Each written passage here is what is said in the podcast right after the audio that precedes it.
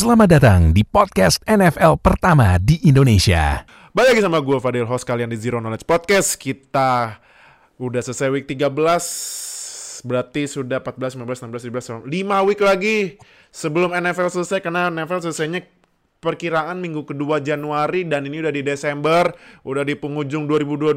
Tuh kan gue udah gue selalu bilang kalau nonton NFL tuh cepet banget, cepet serius, berasa cepet banget. Jadi karena cepet berarti beritanya udah banyak banget.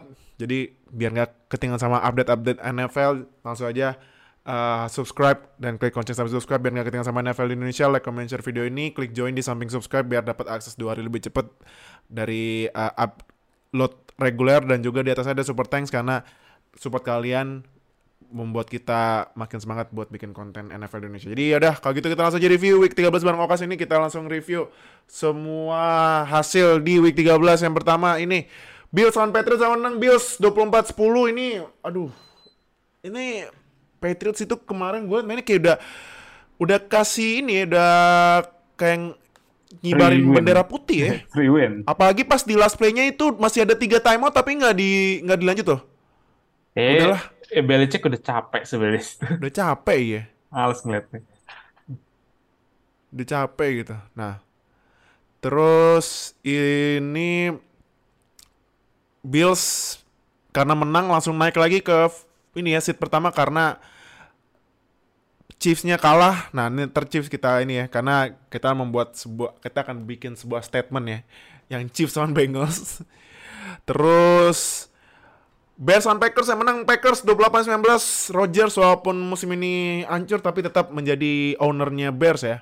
Uh, ya seperti itulah yang terjadi yeah. ya. Terus Steelers on Falcons menang Steelers 19-16. Aduh, kenapa lagi kenapa menang lagi Steelers? Draft makin turun kan. Tapi ya udahlah gue liat offense-nya uh, Kenny Pickett sudah mulai nyetel ya karena gue sempat lihat statsnya itu Kenny Pickett tiga game terakhir kalau nggak salah nggak bikin interception sebelum-sebelumnya 8 interception sekarang nggak interception sama, sama sekali. Sebenarnya actually kalau kita lihat uh, roster dan juga beberapa game terakhir tuh Pickett punya weapon yang bagus loh.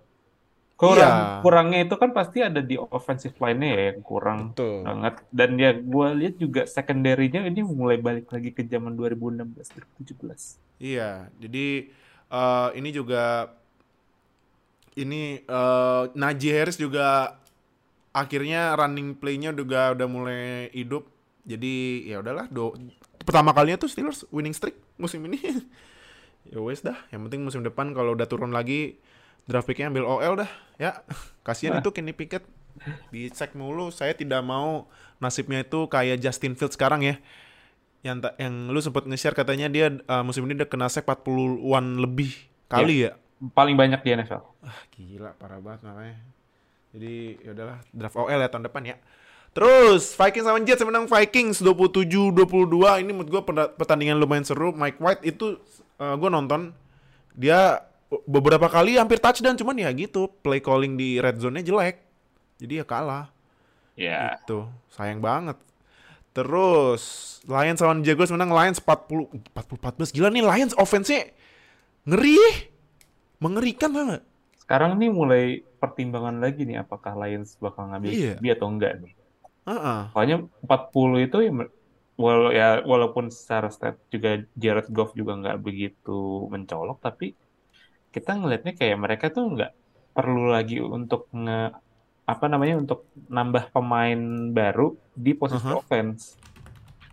Iya makanya. Jadi uh, walaupun walaupun ini juga walaupun gak ada Hawk Hawkinson kan terus juga ya DeAndre Swift juga begitulah ya. Tapi ininya offense-nya bahaya sih. Amonra Amonra Amonra gila sih. Dua touchdown loh. Yes. Dan tinggal tunggu aja Jameson Williams main kan Uh. Wow. Bagi ini draft picknya sekarang Lions di draft pick keempat ya karena Rams ancur kan draft picknya uh, Rams buat Lions karena trade-nya Matthew Stafford ya. Eh. Ya udahlah fix lah musim depan draft uh, si J Stroud lah ya. Hmm. Iya, udahlah fix aja lah. Nah, terus Eagles on Titans menang Eagles 35-10. AJ Brown bener-bener menghancurkan mantannya. Bener-bener abis tuh. Mamam tuh kata AJ Brown. Mamam. Hmm. Iya skor lah. Iya. Nah terus ini Texas lawan Browns. Deshaun Watson akhirnya main melawan sang mantan tapi ya mainnya gitu karatan nggak ngapa-ngapain dia ya ngapa-ngapain sih tapi ngasih bola ke Texans satu ya It, intinya sebenarnya kedua offense sih saling ngasih bola ke tim lawan masing-masing ya iya kalau Terus... soalnya soalnya kemarin juga kan Texans dua defense kena dua defensive touchdownnya Browns tuh gara-gara Kyle mm -hmm. Allen uh, satu kayak pick six sama satu fumble return for touchdown sama kayaknya kena ini juga ya apa eh uh, kick return kick return TDs Iya, ah, ah, eh, pan, ah. pan, pan, Itu pan, itu skor 27 tuh kalau nggak salah defense sama special teamnya bikin tiga touchdown loh. Iya. Watson cuma 6. iya. kalau lu main fantasy itu defensive uh, defense special teamnya Browns tuh 30 poin. Buset dah. 30 poin udah kayak receiver WR1 ya? 3 touchdown ya, 3 touchdown. 3 touchdown loh. 3 touchdown tuh basically uh, ya setengahnya dari touchdownnya Russell Wilson deh. Iya, makanya jadi ya begitulah uh, main pertama kali karatan banget. Next gamenya kalau nggak salah Browns on Bengals, uh next game langsung uh, rivalry divisi lagi. Wow, lihat ya, mungkin abis kali itu ya. Terus Johnson Commanders apa sih seri nggak lucu anjir seri apa sih? Ini mentang-mentang Piala Dunia gitu. Jadi abis itu iya. mereka ikut-ikutan tim US-nya, main national timnya itu langsung iya. seri 20-20 kemarin. Uh -uh. Gak jelas anjir seri apaan dah nih.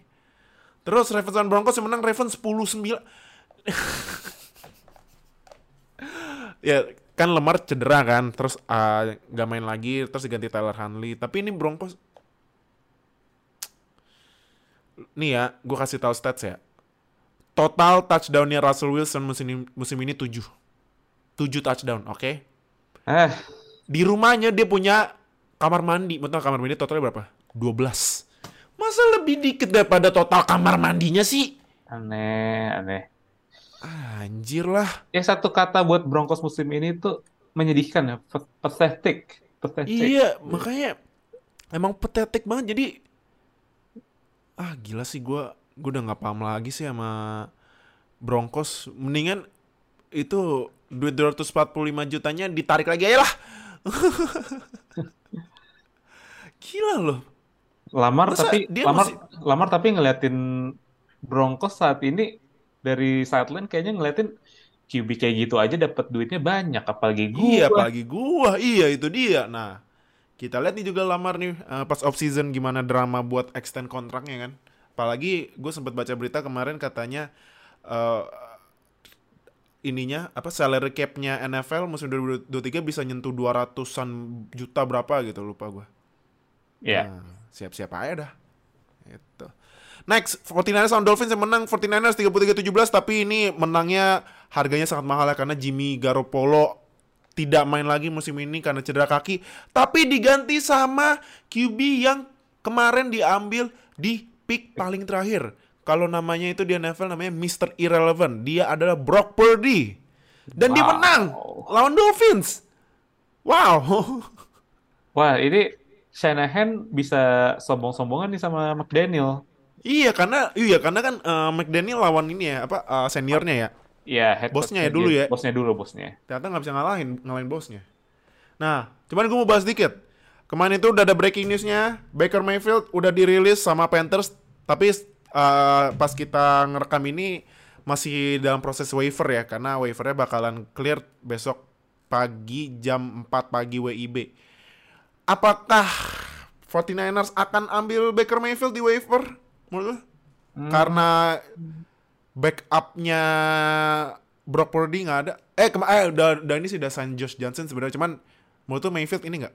Ke 49ers nggak?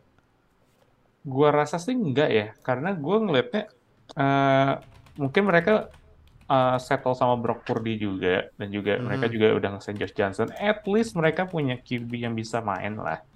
Dan Brock Purdy kan juga udah dari awal musim terus lolos training Mhm. camp dan segala macam. Eh, gua rasa sih kalau misalkan mereka ngesign Baker Mayfield sendiri sih nggak akan terlalu banyak bawa perubahan ya. Soalnya, Iya, iya. ya soalnya eh, Shanahan sendiri kan sistemnya dia tuh emang nggak pernah bergantung kepada QB-nya dia. Kalau QB-nya main jelek gitu ya dia bisa manfaatin di posisi yang lain ya antara running dia back ya terutama ya. terutama di running game ada mereka masih ada CMC terus mereka masih ada Aha. ini juga kan eh siapa sih RB ini ya RB 2-nya 49ers sekarang siapa ya? Siapa? RB 2-nya 49ers kok gue lupa ya ini Ini eh Mason, Mason, kok Mason sih siapa namanya? Mason, Mason lah itulah. Gue lupa, ntar gue coba cek di sambil cek di fantasy ya. Pokoknya namanya Mason. sebenarnya gue awalnya mengira kalau mereka tuh bakal ngesainnya bukan Baker Mayfield ya Melvin Gordon gue bilang Melvin kenapa Gordon. Oh, Kar- oke. karena- Tapi Melvin Gordonnya sekarang di mana lupa gue? Chiefs Chiefs iya. Chiefs gue soalnya mikir kayak mereka kan emang orientasinya ke running game dan selain Aha. CMC ya CMC tipenya ya lebih ke passing down backs juga uh, not much of the workload dan Melvin Gordon tuh bisa jadi posisi itu apalagi Mhm. kemarin kan juga Elijah Mitchell udah cedera ya Iya. jadi ini uh, sebenarnya tuh Melvin Gordon tuh pas banget kalau misalkan masuk ke 49ers ya tapi Mhm. karena mungkin keduluan sama Chiefs gitu Chiefs juga butuh running back juga nih sekarang sebenarnya sih mereka banyak sih kalau misalkan dilihat depth chart-nya cuman eh gua rasa sih sebenarnya balik lagi ke Baker Mayfield mereka nggak butuh-butuh banget ya 49ers tuh mereka bisa main dengan Brock Purdy dan kemarin aja menang lawan. Dolphins jadi ya Hmm. I don't think so dia nggak ah, dia mungkin nggak akan ke 49ers mungkin ke beberapa tim yang lain yang bisa butuh uh, backup QB. Maybe Mhm. Seahawks, maybe Giants, maybe mm, Commanders ya. Cuman mm, ya untuk tim-tim contending yang lain lah. Jadi nggak akan jadi starter tapi mungkin jadi backup QB 2 in case kalau QB starter dari tim contending ini cedera. Hmm, oke oke. Oke. Next Rams lawan Seahawks menang Seahawks 7-23 ini Rams sudah benar-benar hancur ya. Bendera putih itu udah. Udahlah ya, udah pasrah lah gitu. Raiders lawan Chargers menang Raiders 27-20. Nih aduh Chargers kenapa ya? Ada apa ini tim yang gue, gue, gue bingung sumpah. Teman kemarin Davante Adams emang gila sih dua touchdown juga. Ya, Gila sih. Apakah Raiders data data sekarang Raiders treatmentnya awal jelek akhir-akhir bagus? Kayak musim kemarin. Hmm. Hmm, apakah jiwanya John Madden ini masih merasuki Las Vegas Raiders nih? Iya. nah, terus ini Bengals lawan Chiefs menang Bengals 27-24. Nah, tadi di awal gue udah bilang kita mau buat statement. Nah, ini statement kita ya. Joe Burrow resmi menjadi Mahomes-nya, ah, Ayahnya. papanya Mahomes. Wow. Joe Burrow udah 3-0 loh lawan ini. Lawan Mahomes. Ah, tiga nol. 3-0. Berarti udah resmi lah. Burrow adalah papanya Mahomes. Dah. Iya. Kalah di segala sisi loh. 3-0. Gila.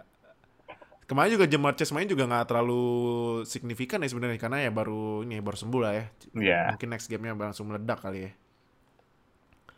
Terus Cowboys lawan Colts menang Cowboys 54-19. Gue gue jujur gue nonton tapi gue denger katanya quarter 4-nya tuh gila banget tuh kemarin Cowboys. Iya, bahkan tuh diganti second stringnya second stringnya bikin touchdown. Gila ya. Ah, Itu Jeff Saturday kayaknya udah mental breakdown deh. Kenapa gua terima kerjaan ini anjir anjir. Kenapa gua nggak jadi analis aja gitu yang kayak sebelumnya. Aduh. Ya ampun. Last, Buccaneers lawan Saints menang Buccaneers 17-16. Tom Brady seperti biasa masterclass ya comeback di detik-detik terakhir ini Saints. Kenapa Saints? Udah tahu Brady kalau dikasih waktu 50 detik pun juga masih bisa. Saints, Saints. Ini kalau Sean, Saints ini kalau Sean, ini kalau Sean Payton jadi head coach ini nggak mungkin kejadian. Iya. Oke, tapi nanti kita bahas ya karena ini ditang ditangin sama mulai. Jadi udah kalau gitu kita langsung aja mulai reviewnya. Tapi sebelum kita mulai review, gue mau bahas sebuah berita yang ini kayaknya bakalan bentar lagi ada breaking newsnya. Kemarin ada seseorang yang yang berkunjung ke Dallas nih, nonton basket, ditemenin sama pemain bintangnya Cowboys. Eh, Siapa ini? Wah. Eh, eh, eh, eh, eh. Siapa ini?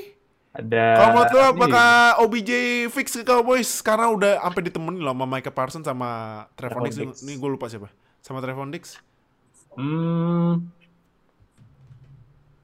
Kayaknya tengah itu DeMarcus kayak DeMarcus Ware tapi gue Kayak nggak di Marco, iya kayak kayak beda orang. Cuman menurut lu siapa? Eh menurut lu siapa? Menurut lu fix ya nih? Saat OBJ. ini beritanya kencang ya, apalagi Kenceng banget lagi kenceng banget. Lagi kenceng banget. kencang banget dan Jerry Jones pun juga kayak menunjukkan ketertarikan gitu loh sama Iya. Odell Beckham. OBJ ini juga ya dia bisa jadi pembeda lah, jadi wide receiver bagus selain CD Lamb. Maka Gallup is okay, tapi kalau misalkan mereka bisa dapat OBJ sih, Mhm. itu offense benar-benar serem banget sih karena mereka udah punya Dak Prescott udah balik ke formnya kayak kema- kayak musim lalu terus juga mereka punya CD Lamb, Michael Gallup, nambah OBJ, running game-nya mereka punya Zeke, punya Tony Pollard dan O- OL mereka tuh sekarang pada awal musim tuh mereka masih agak goyang OL-nya tapi sekarang udah makin lama makin bagus. Mhm. Dan offense itu bisa jadi pembeda loh. Offense-nya Cowboys kalau misalkan OBJ masuk, gua rasa bisa jadi salah satu yang paling serem di saat semua tim di NFL yang masuk playoff.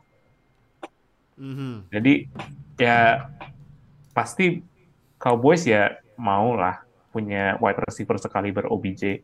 Mungkin pertanyaannya ya lebih ke injury-nya back uh, OBJ ini lebih eh, parah dari dugaan mereka atau enggak. Tapi kalau misalkan dia udah 100% sembuh, uh, Aha. harus hati-hati semua tim di NFL, nggak cuma yang Iya playoff, tapi semua, semua. Iya sih. Gua bilang that offense it nah, itu bisa jadi serem banget. Ngerem banget iya. Dan kalau misalnya Cowboys menang dan juara adalah eh, akun memes nah pada nangis cuman sekarang akun memes lagi ada bahan baru ngecengin Watson Eh, Watson sama Russ QB QB yang baru dibayar tuh. iya aduh jadi ya siap-siap aja lah kalau misalnya OBJ fix ke Cowboys adalah juggernaut itu offense-nya juggernaut banget Banget. Iya. Parah. Oke, kita langsung ya review di week 13. Yang pertama ini nih, Patriots lawan Bills. Ini menurut lu kemarin sempat ada video juga kan uh, Mac Jones teriak-teriak Pass the ball, the run is effing sucks. Saatnya Patriots darurat cari OC baru buat gantiin Matt Patricia yang aduh, gue lihat apa fans fans Patriots udah pada pusing ini liatin Matt Patricia. Mus eh, pertandingan kemarin itu Buffalo Bills lawan New England Patriots. Patriots cuman run the ball eh sorry wait. Dikit 14 banget sumpah. 14 Itu kali. aja sih Ramondre Stevenson aja, Ramondre Stevenson aja ini disuruh apa dijadiin check down. Iya. Iya Empat- 14 rushing attempts. 14 doang. 14 doang. Dan What? tim itu, tim Patriots, itu adalah tim yang based on running game. Dan disuruh cuman 14 kali la- lari. Idenya siapa? Oh, jelas. Idenya si idenya si ini Sinterklas Boston, Iya, Matt Patricia. Matt Patricia. Gue berarti dari awal tuh Uh, gua- dari awal tuh sorry, gue gak yakin kenapa dia bisa jadi offensive coordinator offensive iya loh. maka iya makanya Dia itu kan- dia dia DC latar ya. belakangnya- Kenapa jadi OC? Defensive coordinator, sebelumnya dia pernah jadi defensive back coach, terus pernah Iya. linebacker coach, terus jadi DC, head coach juga dia lebih ke defensive minded, Iya. dan sekarang di Patriots dia jadi offensive coordinators. Iya, gimana random banget ya. Ini udah kayak kerjaan di kantor ya. Harus uh, serba bisa ya. Gue nggak yakin kena It's- apa yang dipikirin sama Bill Belichick ya dari sini nih. iya. Kenapa? Makanya ini aneh, sumpah aneh banget sih keputusan yang gue gue bingung sih kenapa tiba-tiba bisa jadi offensive coordinator ya Matt Patricia ya. Kayak Tapi kalau menurut lu eh, harus buruan ganti nggak? Apa ya udahlah ah, musim ini abisin sama Matt, Patri- Matt, Matt Patricia pas off season cari OC. off-season cari OC. Pas Harus. off season cari OC ya. Nggak, nggak boleh nggak. Karena ini situasinya tuh benar-benar darurat banget sih. Ah, Mereka tuh mereka tuh nggak bisa eh, ngebangkitin semangat offense-nya gitu loh. Kayak ya iya. spark-nya itu nggak ada. kayak bland kayak ini kayak bland banget gitu offense kayak Parah sih. Ramondre dan Bismillah kadang-kadang tapi sekarang justru malah Ramondre nggak dikasih touches cuma dikasihnya ya dari check down check down juga Iya. Aduh man aduh gue gue gue nggak bisa bilang apa apa sih. Defense Patriots sih at least still pretty decent tapi offense-nya benar-benar nggak jalan kemarin. Dan gue dan gue juga nggak menyalahkan Mac Jones kalau dia marah-marah kayak gitu. Karena ya ya offen offense-nya gue minjem kata-katanya dia is Evan sucks. Is Evan sucks. Parah. Emang parah. Emang, emang gue gue mau gue gue gue gue tuh lihat offense-nya kayak ini main apaan sih? Niat nggak ini loh niat nggak sih masuk playoff? Apalagi AFC East lagi ketat gini kan? Yep. iya ab- abisnya tuh kan di AFC itu kan juga banyak tim-tim yang rekor lagi jelek kan? Nah masa ini rekor-rekor yang jelek lagi naik nih? Patriotsnya hancur jadi mau nggak masuk playoff gitu. Aneh. Itu jadi ah, ah. Bills nih eh, gimana nih menurut Bills udah pasti ngunci AFC East atau harus mulai eh, nggak kayak nggak mungkin ini juga sih ngunci ya tapi ah eh, nih pertanyaan gue beda ah, gue ganti deh. Menurut lu Bills ancaman paling kuatnya di AFC East itu Dolphins atau Jets Patriots mah kan udah, udah nggak penting ya maaf eh maaf maaf maaf, maaf. ya kan karena ka- ngalahin maksudnya Hmm. Tadi Bills eh, ancaman terberatnya di AFC East ah gua rasa masih Dolphins ya. Gua rasa Hmm. masih Dolphins. Dolphins is still too good to fail. Jets ini juga masih agak inkonsisten. Hmm, Dolphins still pretty good lah. Sebenarnya mereka hampir setara dengan Bills sekarang, walaupun secara ranking mereka di atas. Cuman uh, secara tim gue lebih suka di, uh, dengan Bills ya sebenarnya. Mungkin ya nanti akhirnya Bills bakal jadi juara divisi dan Dolphins bakal masuk wild card. But we'll Mhm. see. Karena Iya gue inget, gue lihat-lihat jadwalnya Bills ini, wait, sebentar. Bills bakal ada lawan Dolphins di week 15, jadi dua week lagi. Dan itu yang akan jadi penentu siapa yang menang AFC East. aha. Ya. jadi siapa menurut lu? Eh, kalau Dolphins tantang bisa apa, apa ancaman paling gede ya Jets atau Dolphins, Dolphins Dolphins Dolphins, kenapa Dolphins more stacked team dan juga eh, kalau mereka kayaknya agak ada off game aja sih yang minggu ini. Cuman kalau misalkan mereka udah on tune, udah semuanya udah klik semua, Mhm. itu offense-nya Dolphins tuh bener-bener serem. Tua, Tyreek, terus Waddle, itu itu udah kombinasi yang serem juga. Hmm. Oke, oke, oke. Berarti ancaman terbesar Bills ini ya Dolphins ya. Dolphins, ya. Oke, oke. Next.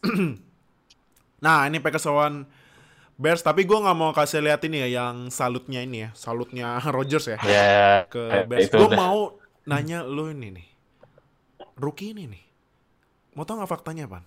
Yes. Dia dalam 4 game bikin 8 touchdown. What the hell? Delapan. 8. Delapan touchdown. Menurut lu Christian Watson oroi nggak? Eh, 8 touchdown loh dalam 4 game. 8. bisa jadi gua rasa sih kemungkinan agak tipis karena dia sempat agak jadi non factor di beberapa pertandingan awal cuman Iya. kalau misalkan kandidat yang lain juga udah mulai goyang juga Aha. dia ada kemungkinan bisa nyuri Oroy ya tapi Hmm. gua rasa sih sekarang dia masih ada di ya uh, posisi-posisi bawah lah untuk vote-nya dari Oroy But I will uh, I will say this, kalau misalkan Christian Watson ini bisa maintain this pace, dia bisa jadi lebih bagus dibandingkan Devontae Adams. Hmm. Oke, Ber- berarti bisa ini ya, uh, pengganti Davante Adams yang udah ini ya, udah cocok ya. Saat ini kelihatannya begitu ya. Apalagi ya kalau misalkan Rodgers ya misalkan pensiun gitu, terus habis itu ganti Jordan Love. Dia udah punya chemistry dengan Jordan Love juga ternyata. Jadi ya ya harus waspada nih NFC North kayaknya ini bakal kembali lagi jadi legacy QB ala Packers ya. Dari dari Brett Favre ke Aaron Rodgers, Mhm. terus ntar nyambung lagi ke Jordan Love. Jadi ya Hmm. ini kayaknya Packers Oke. bakal tetap dominan kalau Jordan Love bisa uh, berkembang jadi sama kayak Aaron Rodgers. Hmm. Uh, itu ini ya,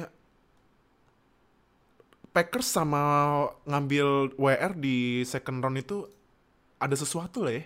Kan Banyak. Davante Adams juga di second round kan? Devante, jadi ini gue akan sedikit uh, flashback ke beberapa wide receiver-nya Packers yang dipilih di second round. 2006 mereka pilih, pilih Greg Jennings, Pro Bowl.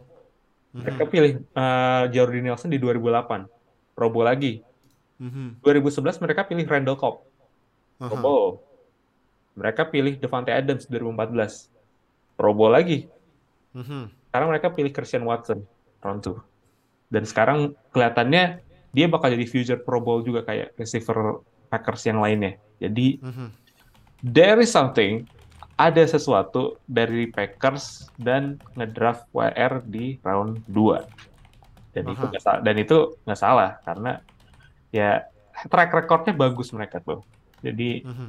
ya expect good thing dari Christian Watson. Mhm. Oke, makanya jadi ya tunggu Jordan Love ambil QB1, udah deh, WR udah enak kayak. KBWR tuh, KBWR Iya, sepaket. makanya udah langsung nyetel. Abis, abis itu juga kemarin, minggu kemarin kan Jordan Love sempat main, langsung lempar tajam juga kan ke Christian Watson. Yap, benar. Iya, makanya eh gila sih Christian Watson bisa 8 touchdown dalam 4 game loh. Gokil ya. Nah, kalau Bears-nya sendiri, nih kan Bears sekarang di second pick ya. Ntar kita kasih lihat top 10 draft pick-nya ya. Eh, Bears ini ya pasti musim ini udah kayak let it go aja lah ya. Hmm, iya. Nah, tapi kalau misalnya misalnya lu prediksi nih, misalnya Bears sudah fix second overall pick, ambil siapa? ya? Karena nggak mungkin ambil QB kan. Iya. Will Anderson. Will Anderson, ini ya An- dari Alabama ya. Iya, karena gua rasa tuh mereka bakal ambil pemain best player available aja ya. Walaupun sebenarnya mereka juga butuh wide receiver, cuman ya gua rasa sih mereka kalau misalkan ada Will Anderson ataupun Jalen Carter di posisi nomor 2, mereka akan tertarik untuk ambil ya. Nah, Aha. dan kemarin juga gue sempat ngomong juga in, tentang picknya Bears ini ya, karena ada kemungkinan mereka trade down dan ambil beberapa pick lagi. Jadi mereka bisa ambil kemungkinan antara Will Anderson sama Jalen Carter, terus pick Mhm. first round pick yang satunya lagi nanti bisa ambil wide receiver. Hmm. Dan itu ya, itu best case scenario buat Bears ya. Jadi Mhm. mereka bisa dapat aset banyak, uh, great young players, quarterback mereka udah set, mereka Mhm. tinggal invest offensive line di free agent ataupun trade, dan itu tim udah jadi secara offense. Hmm. Oke, oke, oke. Tapi kalau misalnya ambil Will Anderson juga kayaknya logis juga ya karena kan buat langsung gantiin ini ya, gantiin Khalil Mack ya. Oh iya, jelas. Iya kan? Cuman, cuman sekarang mereka juga butuh beberapa uh, pemain di beberapa posisi ya. Jadi Aha. Mereka trade down pun juga itu salah satu best case skenario ya. Terutama Hmm. kalau misalkan ya mereka trade down-nya ke masih di top 10 dan mereka masih dapat first round pick lagi di bawah-bawah. Itu bisa jadi uh, good uh, good draft loh. Jadi mereka bisa pilih antara Will Anderson sama Will eh Will Levis, uh, Jalen Carter sama ya wide receiver mereka bisa ambil ya kalau yang drop itu bisa jadi kayak Jackson Smith, Njigba, terus habis itu juga uh, Quentin Johnson ya, Quentin Johnson kalau misalkan dia drop sampai uh, pick-pick yang agak ke bawah ataupun Marvin Harrison Jr. Dan itu ya pilihannya banyak wide receiver yang bisa diambil. Cuman ya ini keputusannya balik lagi ke GM-nya Bear sendiri sih. Apakah dia pilih tetap ada di posisi dua atau dia pilih untuk coba ambil pemain sebanyak mungkin. Hmm, oke oke. Oke, oke. Next. Nih. Uh. Eagles lawan Titans AJ Brown. Gila ya AJ Brown nih. Tega banget sama sang mantan, tega, tega, tega. Jadi tuh kemarin AJ Brown lawan mantannya itu dia bikin 8 kali nangkep 119 receiving yards 2 touchdown. Eh, udah bahagia banget sama yang pasangan baru ya. Si AJ Brown. Tapi gue nggak mau nanya AJ Brown ya. Gue mau nanya. Oh, ntar gue mau. Gue ada fakta menarik nih. Apa tuh? Kemarin itu Titans. Ya Titans lu tau kan pasti di carry sama Derrick Henry kan.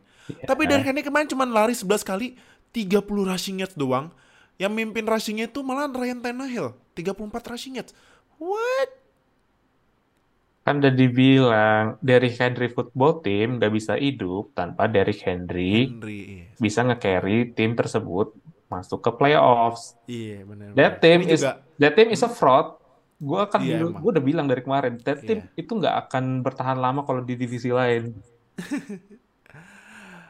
Tapi yang mau gue tanya ini bukan ini ya, bukan Titans sama Eagles apa sama AJ Brown ya. Gue mau nanya Jalen Hurts. Jalen Hurts. Uh. Kemarin Damn. kita kasih touchdown satu ya kan.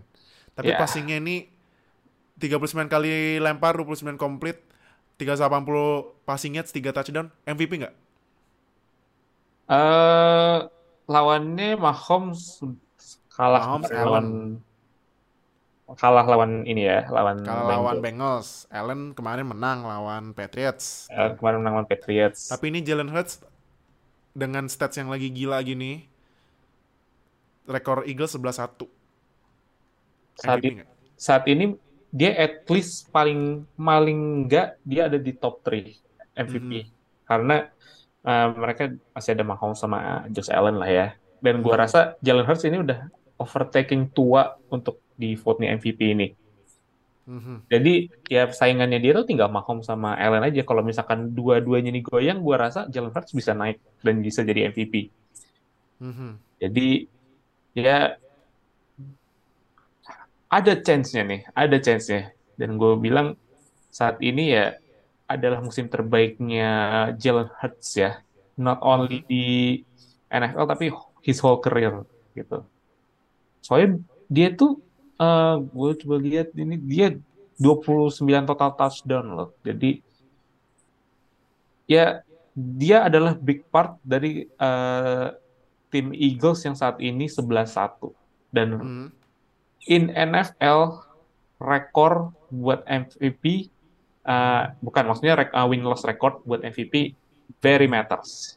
Mhm. Kayak lo lihat aja Rodgers itu dua eh, consecutive MVPs seat satu dia tuh seat satu. Terus Lamar seat satu, Mhm. Mahomes Mahomes itu seat satu juga. Terus Brady seat satu. Ya, lu lihatlah patternnya dari semua ini. Kalau QB eh, QB punya kontribusi banyak untuk suatu tim dan kalau misalkan tim tersebut ada di seat paling atas, rekor win Hmm. loss-nya paling bagus, itu otomatis bakal jadi pertimbangan kuat buat para voters untuk milih dia jadi MVP. Jadi gua rasa nih Jalen Hurts punya kemungkinan paling besar saat ini selain Mahomes sama Allen. Hmm, Untuk jadi oke, MVP. oke. Nah, bahas MVP dikit. Ya pasti kan QB ya ya, nih kompetisi QB ya. Gitu. Tapi kalau misalnya lu masukin salah satu pemain non QB siapa? ya? Yang Pemain langsung kepikiran di itu loh. Kalau gue ya, kalau gue ya, gue Jeffer- Justin Jefferson. Kalau gue. Ya walaupun kemarin mainnya jelek ya, ya menurut gue kemarin tuh pas lawan Jets ya dikantongin sama Sauce, Sauce Gardner tapi ya overall mainnya gila sih Jefferson. Kalau gue Jefferson makanya gue pilih Jefferson. Kalau lu siapa? ya? Stephon Diggs. Stephon Diggs. Stephon Diggs. Karena gua karena kalau lu lihat ya Stephon Diggs still being Stephon Diggs lah, WR, salah satu WR terbaik di NFL. Mhm. Kalau misalkan gua harus milih yang non playoff team, gua akan pilih Devante Adams. Hmm. Devante Adams. Jadi eh, karena secara rekor juga Stephon Diggs ada di Bills, Bills eh, on the way untuk jadi salah satu top tim di NFL dan dia Mhm. Masih jadi WR1 di both in fantasy dan juga in real life. Dan Mhm. that's matter gitu. That's matter. Mhm. gua rasa yang agak uh, underwhelming musim ini running game running back-nya ya. Running back ini mulai uh, agak sedikit slow down di uh, be- di beberapa pemain. Kayak Derrick Henry sempat kena sumbat beberapa kali. Terus Iya, juga apalagi juga kemarin kan. Austin Eckler juga uh, basically jadi one man show di Iya. itu di Chargers. Nick Chubb juga kadang ganti-ganti juga, Browns juga nggak konsisten. Mhm. Jadi Jonathan Taylor kemarin juga sudah cedera beberapa kali. Jadi ya saat ini kalau misalkan pemain non QB terbaik di NFL mayoritas didominasi sama wide receiver. Kayak lu udah bilang tadi. Jetas, Justin Jefferson, Stephon Diggs, terus habis itu Devante Adams, or maybe gua rasa juga salah satu yang orang suka agak miss gitu adalah Travis Kelce. Kita Travis Kelce ya. kita lupa seberapa impactfulnya Travis Kelce kepada Chiefs. Dia basically jadi receiver nomor satu buat WR sama TE. Mhm. Jadi ya top 3-nya ya kalau misalkan Oroy yang bisa yang bisa masuk ke kandidat Oroy untuk non QB ya Jefferson, Diggs, sama Travis Kelce. Hmm. Oke, oke. Oke. Oke, oke, oke. Hmm. Titans ya, Titans nggak usah dibahas karena kalau kalau kata lo fraud ya. Nggak usah, nggak usah. Derek Henry Football Team itu udah nggak perlu dikasih exposure media segala macam. Tapi emang iya sih, masanya gini loh. Titans Titans ya, lu bilang fraud. Sekarang rekornya kalau nggak salah 7 75 ya. Sih. Cuman ya. tim-tim di bawahnya ini juga ya nggak ada niatan mau ngejar. Ya. Colts-nya kayak gitu, kemarin dicincang. Makanya gue gue bisa bilang kalau misalkan Titans law- apa satu divisi itu bukan kayak Colts, Texans, Aha. Jaguars, misalkan lawannya at least kayak ya NFC North lah. Mereka rekornya bakal lebih buruk dari Tampa Bay. Ah. Gue yakin. Tuh, makanya makanya ini ya AFC saat ini emang nggak menarik sama sekali sebenarnya. Ya who the worst team win aja. iya, itu. Oke. Next ya. Next ini. Nah, ini pembantaian massal ini. Cowboys lawan Giants semen- eh kok Cowboys Giants nih kok Giants salah gua. Cowboys Colts. Eh, Colts, Colts, Colts ya. Ini salah fo- foto gue, teman gak apa.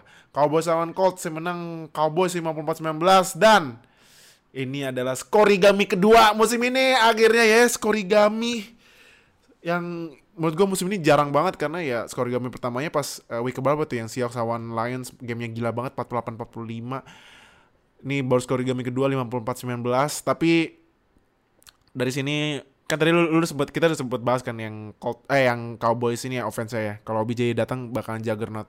Hmm. Tapi gue mau nanya defense ya. Menurut lu defense Cowboys ini salah satu yang terbaik ya di NFL? Defense-nya itu very opportunist but Aha. very decent. Jadi mereka itu at least gue bilang bisa top 10 di Mhm. kalau ya secara impactful ya. Karena mereka punya Michael Parsons, Trevon Diggs Mhm. itu very good dan mereka juga beberapa secondary-nya mereka yang nggak pernah kelihatan sebelumnya mulai pada showing off gitu. Malik Mhm. salah satunya kayak Malik Hooker udah mulai living up to the hype. Terus kemarin juga uh, rookie-nya mereka Deron Bland itu dua interception, dua pick Iya. dua picks. Jadi ya uh, gue nggak akan bilang mereka the best defense di NFL, but mereka mendekati posisi best defense di NFL, at least top 10. Jadi ya very good defense, but not the best. Mhm. Oke, Uh, decent but- tapi nggak terbaik ya. Decent. Kayaknya terbaik masih 49ers ya. Nah, ya, ya kan. Nah, kalau Colts in Colts aduh. Colts cari mendingan cari ini enggak head coach yang baru enggak? Habisnya ini udah ada beritanya itu eh, manajemennya Colts katanya juga salah satu ada orang yang penting di Colts udah ngubungin head coachnya Michigan nih, yep. Jim Harbaugh. Jim Harbaugh kebetulan dulu pernah j- main jadi QB-nya Colts lah. Lo saatnya ini enggak? Saatnya langsung cari-cari head coach baru enggak? Kalau Jim Harbaugh mau, jelas mereka harus kejar Jim Harbaugh. Karena Ah, karena gue sebagai yang udah nonton NFL dari lumayan lama dan gue ini benar-benar inget banget how good Jim Harbaugh is as an NFL coach. Hmm. Terutama waktu di 49ers itu dia oh, gue gue rasa sih he's one of the best lah, one of the best. Iya, apalagi ini ya, apalagi uh, sempat bawa ke Super Bowl kan? Iya. Yeah. 2013, ya kan? Tiga, tiga NFC Championship game beruntun 2011 sampai 2013. Aha. Dan itu salah satu ya underrated eranya buat 49ers sih. Nah, uh, sekarang uh, kalau misalkan head coach saat ini ya gua rasa Jeff Saturday ini cuma buat jadi interim aja ya sampai Tambel, akhir. Tambelan aja, tambel ban ya. Ya mereka kayaknya juga masih nego-nego sama Jim Harbaugh ataupun uh, kandidat head coach yang lainnya. But Hmm. saat ini ya mereka ya udah itu pasrah aja dengan uh, Jeff Saturday yang pengalamannya ya udah kita omongin dari kemarin-kemarin juga jelas kurang Hmm. banget. Jadi uh, kalau misalkan Jim Harbaugh bisa datang sih that's a very good pick up buat Colts. Dan mereka ya draft picknya saat ini juga udah lumayan tinggi. Sekarang kayaknya di top 10 ya pick mereka tuh. Mhm. Jadi ya bisa dipakai sebagai awal mula untuk Jim Harbaugh for the next era of Indianapolis Colts. Hmm, oke oke oke. Oke. Sip. Yes. Oke, nah terakhir ya, Yep. ini nih. Jangan pernah kasih waktu banyak ke si kambing. Pak D, Pak D, gue manggilnya Pak D. Yeah. Not not even New Orleans Saints yang biasanya owning Buccaneers ya. Iya, makanya. Tapi ini malah kasih waktu banyak ke Pak D dan menang loh. Gila, Ah, iya. Buccaneers-nya. Padahal itu eh udah mimpin 16-3 sekarang atau tahu kalah 17-6 berarti ini Fal apa sorry eh Saints ketularan musuhnya ya Falcons Blue Delete Sampai ada meme-nya kan sekarang Blue Death. iya. Makanya jadi aduh parah banget. Nah kalau dari Bucks nih ya walaupun menangnya menurut gua ini ya menangnya comeback tapi ya kalau menurut tuh emang lawan Buck- lawan Saints emang kayak gini terus hasilnya atau atau memang dari kemarin ada sesuatu yang aneh gitu di Buccaneers OL sih yang pertama sih kan pasti OL ya tapi apa yang apa yang aneh gitu Gue pernah, gue sempat baca entah di Twitter atau di YouTube ya. Eh, OL mereka tuh salah satu yang paling buruk in terms of holding penalties. oh iya ha, ha, ha. Ya, terutama yang sempat ada touchdown-nya Chris Godwin juga tuh, cuman yang dianulir gara-gara eh, left tackle mereka Donovan Smith holding, Aha, holding penalties, pelanggaran. aha. Ini yang jadi isunya Bucks musim ini ya. So, sebenarnya isu mereka tuh bisa bilang ada tiga. Pertama, mereka OL-nya eh, regress. Ada yang retired, ada yang cabut di free agent, dan Mhm. mereka ya mereka kehilangan banget tuh posisi eh, kayak magicnya mereka di musim lalu. Karena kalau kita tahu Brady butuh great offensive line Mhm. Bukannya ngeremehin Brady, tapi emang ya semua QB, semua tim di NFL tuh butuh yang namanya great O-line. Mhm. Dan itu nggak nggak dimiliki oleh Buccaneers di 2022. Nomor Mhm. dua yang bikin mereka agak regress musim ini adalah ya Tolos nggak bisa nge-call offensive uh, play. Yang nge-call kan Baron Leftwich. Gua rasa Baron Leftwich juga sering bikin mistake juga kalau untuk uh, offensive play call dan beberapa play call-nya juga agak aneh. Jadi Brady juga suka mulai ngamuk-ngamuk juga ke Baron Leftwich kemarin. Nomor tiga dan yang salah satu yang paling utama sebenarnya sih kejadian juga di semua tim NFL mereka adalah cedera. Mereka banyak banget missing players karena cedera. Terutama kemarin secondary-nya juga mereka tiga pemain itu absen gara-gara cedera. Salah, salah duanya adalah Sean Murphy Bunting, safety-nya mereka, Hmm. sama uh, Antoine Winfield. Jadi dua safety mereka tuh cedera semua. Dan Hmm. itu kemarin sebenarnya uh, kalau kalau misalkan ada mereka tuh Andy Dalton gak mungkin bisa ngelit Saints untuk sampai ke ini sih, sampai ngalahin Buccaneers berapa 16-3 ya at some point. Jadi ya itulah yang kenapa Buccaneers musim ini nggak sejago musim lalu karena ya, gue rasa tiga faktor itu yang berpengaruh. Hmm, oke okay, oke. Okay. Tapi gue sebenarnya gue jujur ya pas pas ini ya pas lagi ini pas lagi cari head coach penggantinya Bruce Arians tahu-tahu yang diangkat si Todd Bowles gue bilang lu serius Todd Bowles mereka kenapa nggak belajar dari Jets ya? Iya makanya kan. Apa uh, udah tau Bowles kan dulu pas dia di Jets kan anjur ya? Ya ada one season dia ini sih uh, hmm. lumayan bagus 2015 uh -huh. tapi uh, selain itu hancur banget emang hancur. Nah, jadi uh, ya gue sih sebenarnya kalau ngelihat Buccaneers hancur nggak kaget sih, karena ya pelatihnya Todd Bowles. Kalau menurut gue ya, menurut gue ya, in my opinion, kalau misalnya Baron Leftwich kemarin dia akan jadi head coach, kayaknya rekornya bakal beda deh.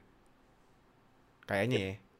Cuman yeah. ya ngangkat Baron Leftwich langsung dari offensive coordinator jadi ini jadi apa namanya jadi head coach kayak kecepetan ya. Hmm, ya, yeah. basically kayak gitu. Iya. Makanya. Oke, kalau Saints Saints, Saints. Ini menurut lo kayak ini sebetulnya jujur ya, ini menurut gua nih Buccaneers Saints ini musim ini pertarungan dua head coach yang gak cocok jadi head coach sama. Dennis Allen tuh gak cocok bener dah. Lu kalau lihat Dennis Allen pernah dia jadi head coach Raiders kan? Iya. Yeah. Ancur. Ancur. Iya, yeah, kenapa mereka berani milih head coach yang dulu juga at, yang udah nggak terbukti best itu ya mediocre. Ya? Eh, at best itu mereka mediocre. Iya. Makanya jadi Kocak loh, sumpah kocak banget ini. Dan Dennis Allen masih juga percaya main di Dalton loh. Pada James Winston udah ready. Ini betul keputusan yang bener-bener jelek gak buat Saints? Karena nggak mainin James Winston. Malah mainin Andy Dalton. Aneh sih. Aneh ya? Aneh. Kenapa? Nggak tahu ya kalau misalkan si Winston juga ada masih ada cedera gitu ya mungkin masih wajar lah. Cuman kalau uh, Winstonnya udah sembuh, udah 100%, tapi masih percaya Eddie Dalton, yang uh -huh. ya lo tahu musim ini gimana performanya. That's something wrong lah. There's something wrong antara Dennis Allen sama James Winston. Antara yang nggak tahu itu kalau di locker roomnya kenapa. But kalau misalkan mereka mikir Winston nggak bisa jadi solusi, terus lebih itu uh, si Andy Dalton jelas bukan solusi, mereka harus ambil QB. Mereka harus QB. Nggak ada pilihan lain. Oke, okay, jadi uh, karena ini juga apa? Karena juga ya Dalton kan sebenarnya sempat main pas kamar lagi bagus ya. Tapi yeah. ini Kamara kalau gue cek ya fantasy wise juga ya udah 5 atau 6 game terakhir setelah yang sempat meledak lawan siapa tuh yang di, yang sempat menangnya sampai shut out lawan tuh gue lupa. Kamara lawan siapa ya? Gue lupa yang dia menangnya apa yang skornya gila banget tuh. Poinnya 40-an poin. Raiders bukan sih? Raiders ya, Raiders, Raiders. Itu ya. habis itu nggak pernah nyentuh double digit loh, Kamara. Oh, ya. Kacau ya. sense, sense. Udah gitu nggak punya first round, first round pick lagi tahun depan. Aduh. First round picknya sekarang buat itu ya? Buat Eagles. Bu buat apa? Eagles. Eagles. Ini Howie Roseman tuh ngeliatin penderitaan saya tuh makin senyumnya senyumnya makin lebar tau gak? Iya. Iya. Eagles Eagles tuh selalu berterima kasih kepada Brady di Super Bowl sama mereka dia ngedrop pass, sekarang mereka ngebantuin Saints buat makin jelek. Jadi harus di, selain ini apa patungnya Nick Foles sama Dick Doc Peterson tuh mereka harus bikin patungnya Tom Brady juga sih. Apalagi kalau misalkan yeah. picknya tuh sampai ngasih mereka future Hall of Famers lah gitu. Uh. Harus bikin patung gitu. Ya ini peringkatnya habis week 13 kita mulai dari oh ini aja nih yang, yang gua, nih dua-duanya nggak penting apa South NFC South pertama Buccaneers 66 Falcons 58 Panthers 48 Saints 49 oh. Terus FC South juga nih aduh Titans 75 oke tapi tetap fraud ya Ya. Yeah. Colts 481, Jaguars 48, Texans 111 Apa sih? Satu angka satunya itu tuh yang bikin spesial. Ganggu. Cuman nanti ada juga yang nambah satu karena kemain seri. Tapi kita ke NFC West dulu ya. NFC West 49ers 84, Seahawks 75, Cardinals 48, Rams 39. Ah, Rams. Ah, Rams, Rams sih. Bambuknya keterlaluan nih. Ke, ke, kebanyakan minumnya. NFC West, Chiefs 93, Chargers 66, Raiders 57, Broncos 39. Nih Raiders menang dua game terakhir nih mulai ngejar Chargers nih. Ini Chargers aneh banget sumpah aneh aneh terus NFC North Vikings 92 Lions 57 Packers 48 Bears 39 nih emang ini ya pemandangan langka ya Hmm. Tapi ini langsung keinget pas zaman ini ya, yang Vikings masuk apa ya Minneapolis mereka berarti musim 2018 enggak salah ya? 17, 17. 2017 ya. Ah. Lions di atas Packers. Urutannya sama lagi, Lion apa uh, Urutannya sama ya? Lions, Packers, sama Bears terakhir. Iya benar-benar persis ya kan. AFC North, AFC North gue baru nyadar menang semua ya. Ravens 84, Bengals 84, Browns 57, Steelers 57. Terakhir ini ya, NFC East yang tata dan rekor baru nih. Eagles 11-1, Cowboys 93, Giants 7-41, Commanders 7-51. ya tapi artinya semuanya di atas ini ya, di atas 500 ya. Eh, iya. At least. At least. Terakhir AFC East Bills balik lagi ke puncak 93, Dolphins 84, Jets Jets 75, Patriots 66. Oke, sekarang kita ke playoff picture abis week 13 yang pertama di AFC Bills kembali ke seat pertama, kedua Chiefs, ketiga Ravens, keempat Titans, kelima Bengals, keenam Dolphins dan ketujuh Jets. Berarti AFC East masuk AFC semua. East eh, tiga tim ya tiga tim yang masuk. Tiga tim tiga tim NFC ini playoff picture pertama Eagles, kedua Vikings, ketiga 49ers, keempat Buccaneers, kelima Cowboys, keenam Giants dan ketujuh Seahawks balik lagi ke playoff picture. Right. Nah, jadi itu playoff picture terakhir buat top 10 draft pick tahun depan. Pertama tim lu, aduh gue lupa ganti rekor sorry. Uh, yeah, Texans satu sepuluh satu sorry ya satu sepuluh satu. Enggak enggak enggak akan berubah penting keadaan. juga. akan keadaan. Gak akan berubah keadaan kok tenang aja. Kedua Bears 39, ketiga Seahawks picknya dari Broncos. Luar biasa. Ini Seahawks makin teriak, let's ride, let's ride. Let, let it right, let it right langsung. 39 ya ampun, ya ampun. Empat Lions nih juga lihat Rams. Ah, makasih ya Rams ya. 39. Eagles via Saints pick kelima. Nih Howie. Aduh. Howie for, eh, Howie, Howie for MVP Howie for iya MVP. gila sih Howie. Tapi gokil ya nih kalau misalnya Seahawks sama Eagles masuk playoff mereka masuk playoff dan punya top 10 draft pick loh. Gokil ya. Master master plan emang master plan. Howie itu punya rencana. Howie itu selalu punya rencana. Iya gila sih.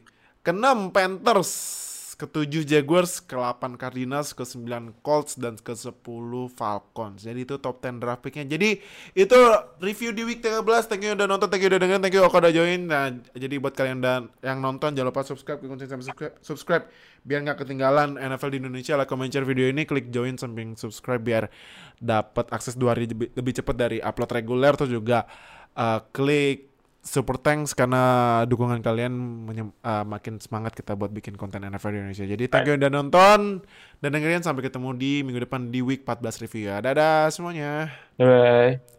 Terima kasih telah mendengarkan podcast NFL pertama di Indonesia. Sampai jumpa di podcast edisi selanjutnya.